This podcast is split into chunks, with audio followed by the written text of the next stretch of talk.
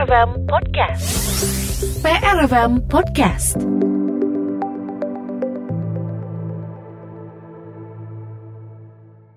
Pendengar kemunculan anak-anak ular kobra di sejumlah kawasan permukiman dalam beberapa pekan terakhir ini tentunya meresahkan warga. Tapi apa yang perlu kita lakukan ya ketika menemukan uh, ular di permukiman? Kita akan kembali berbincang pendengar kali ini bersama pengelola ular di Kebun Binatang Bandung. Kampanji Ahmad Fauzan pendengar PR ya. Assalamualaikum, selamat malam Pak Panji. Waalaikumsalam. Baik. Selamat malam Kang Heri ya. Iya, Kang Panji. Oh iya. Baik, Kang. Gimana, gimana? uh, ini uh, fenomena ular masuk rumah atau masuk permukiman ini yang nampaknya juga lumayan uh, cukup meresahkan warga nih akhir-akhir ini ya, Kang Panji ya. Iya. Betul betul. Nah, betul Baik. ya. Ini uh, biar tidak ada lagi begitu kejadian serupa, kayaknya lebih kepada tindakan antisipatif nih apa yang bisa dilakukan kita nih untuk uh, tidak terjadi hal demikian nih, Kang Panji. Nah, untuk hal antisipatif supaya ularnya itu tidak masuk ke rumah, kita harus melakukan pencegahan seperti menutup celah-celah yang ada di apa eh, celah-celah yang menuju ke WC, Mhm. terus ada celah di bawah pintu juga harus ditutup Hmm. dengan baik dan Iya. kemudian mungkin yang apa eh, ventilasi yang tadinya tidak ditutup pakai kawat nyamuk Hmm. disarankan untuk digunakan eh, kawat nyamuk dan kemudian Mhm. untuk daerah-daerah seperti kamar mandi Iya. seperti gudang itu saya sarankan untuk diberi pencahayaan yang cukup supaya uh, ketika kita akses ke sana kita bisa tahu betul tahu persis itu di dalam satu di dalam satu ruangan itu apa saja isinya Mhm. dan kemudian juga untuk yang punya kebun atau punya taman tolong dirawat jangan sampai ditelantarkan begitu saja Mhm. karena kalau sudah bersemak atau eh, tinggi-tinggi tanamannya itu bisa Hmm. potensi untuk ular untuk me- bersembunyi atau eh, ngumpet gitu. Iya, iya. untuk yang yang yang punya pagar yang pagarnya itu bersentuhan dengan cabang atau ranting pohon atau Hmm. tumbuhan dari dari tetangga Hmm. tolong di dipapas saja karena itu bisa menjadi jembatan bagi Oh, oke. ular begitu jadi memang kita harus Mhm. eh, harus rapi harus bersih supaya si ular ini tidak eh, Mhm. masuk ke dalam rumah Mhm. Pak Baik. Kang Heri. Nah, uh, Kak Panji ini kalau untuk uh, ada satu kekhawatiran lagi nih. Kalau ular sebetulnya uh, naik nggak sih Kang ke ke dinding misalnya begitu? enggak enggak enggak jadi ular itu Mhm. membutuhkan dinding yang dinding halus ya maksudnya ya Iya iya iya. ya eh, jadi ular itu membutuhkan surface atau apa Permukaan. eh, permukaan yang permukaan yang kasar untuk Hmm. bisa titiknya itu bisa megang gitu Mhm, mhm. Kalau untuk dinding yang halus apalagi yang udah diaci ya Iya. itu kemungkinannya kecil sekali. Oke. Kecil sekali ya. Baik. Tapi kalau ke pohon mungkin ya tadi karena pohon kasar gitu ya, ya. kan dia kasar ya jadi titiknya masih ya, masih bisa megang. Oke. Oke. Baik. Ini kenapa saya tanyakan karena kalau untuk di perkotaan juga kan uh, biasanya rumahnya cukup berdempetan gitu ya Kang ya. Kemudian juga ada yang kan dua lantai gitu misalnya. Dan ini kan khawatir uh, tadi kan ventilasi juga harus uh, kita mulai tutup lah dari sekarang. Takutnya ventilasi yang justru di lantai dua begitu misalnya.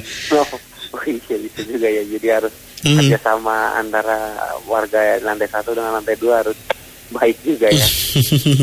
iya, Oke. Tapi dipastikan kalau untuk yang permukaannya halus tidak bisa ya Kang Panji. iya sudah bisa. Mhm. Jadi memang seperti eh, kita juga di kebun binatang atau di Bazuga ini Mhm, mhm. eh, kandang ular ada bagian-bagian itu memang dibuat halus supaya Mhm. ular itu tidak bisa lewat sana. Oh, oke. Baik. Nah, eh di di perkotaan pun juga yang katakanlah tidak ada kebun, tidak ada tanah kosong, gitu ya Kang. Yang ada hanya saluran air misalnya, memungkinkan juga masih tetap ada ular ya. Mungkin karena ular itu require hidupnya tempat yang lembab dan tempat yang hangat. Kalau Hmm. tempat yang yang, yang kedua tempat itu eh, atau apa eh, kedua syarat tersebut terpenuhi, Mhm. eh, kemungkinan yang sangat besar ular itu bisa eh, datang ke sana untuk Iya. eh, baik itu eh, apa berlindung atau Mhm. cuma sekedar ngumpet atau di perkotaan kan banyak tikus ya. Iya, iya, Dan, betul. Nah itu itu yang dia kejar gitu. Oh, oke, baik, baik. Hmm. Eh, artinya tadi juga tidak, eh, Kang Panji juga menyebutkan penerangan juga harus cukup. Nah, kalau dengan Iya. penerangan yang cukup ini ular sebetulnya nggak mau juga mungkin ya kalau lihat terlalu terang ya. Iya, jadi dia eh, biasanya tempat yang gelap, hangat dan apa lembab jadi Hmm. gitu. Dan apa namanya? eh, dan kalau nggak ada aktivitas manusia Mhm. di ruangan tersebut dia malah makin suka. Gitu. Jadi Oh. kalau misalnya kayak gudang, Iya, iya. gudang kan nggak setiap eh, nggak setiap saat diakses oleh Mhm. yang punya gudang ya. Biasanya kan ya ketika motor barang atau mau ngambil barang, nah di situlah Mhm. biasanya ular itu ada kemungkinan besar untuk Hmm. bersembunyi gitu. Baik, baik, baik. Dan eh, tanpa kita ketahui, kita ketahui tahu ada begitu ya, gitu juga bikin kaget juga iya, ya, Panji. ya. ada iya. kalau udah ada gitu kan ya Mhm. kalau untuk yang nggak fobia sih mungkin masih bisa ya, tapi kalau yang fobia aduh Mhm. Itu udah susah. Ya, seperti saya, saya langsung udah, takut duluan ini. eh, udah merinding gitu Iya, kan. betul, Baru betul. Sebut nama aja udah merinding. Betul betul. Nah, eh, tadi pencegahannya. Kemudian kalau misalnya kita eh, mudah-mudahan tidak sih sebetulnya kalau terlanjur ada Ya. masuk ke permukiman begitu apa yang bisa kita lakukan ya Kang Panji Nah, ya? itu eh, kita lihat dulu posisinya, kita jangan panik ya. Mhm, Kita lihat dulu posisinya si ular ini dia lagi panik atau enggak. Kalau mhm, misalnya dia lagi anteng, lagi di satu sudut diam saja, mhm, itu saya sarankan eh, diisolasi, Hmm. diisolasi ininya apa namanya di eh, ruangannya, Iya. jadi diisolasi, di, dipastikan nggak ada celah yang keluar, Hmm, nggak ada hmm, celah yang bisa dia keluar dan minta bantuan orang.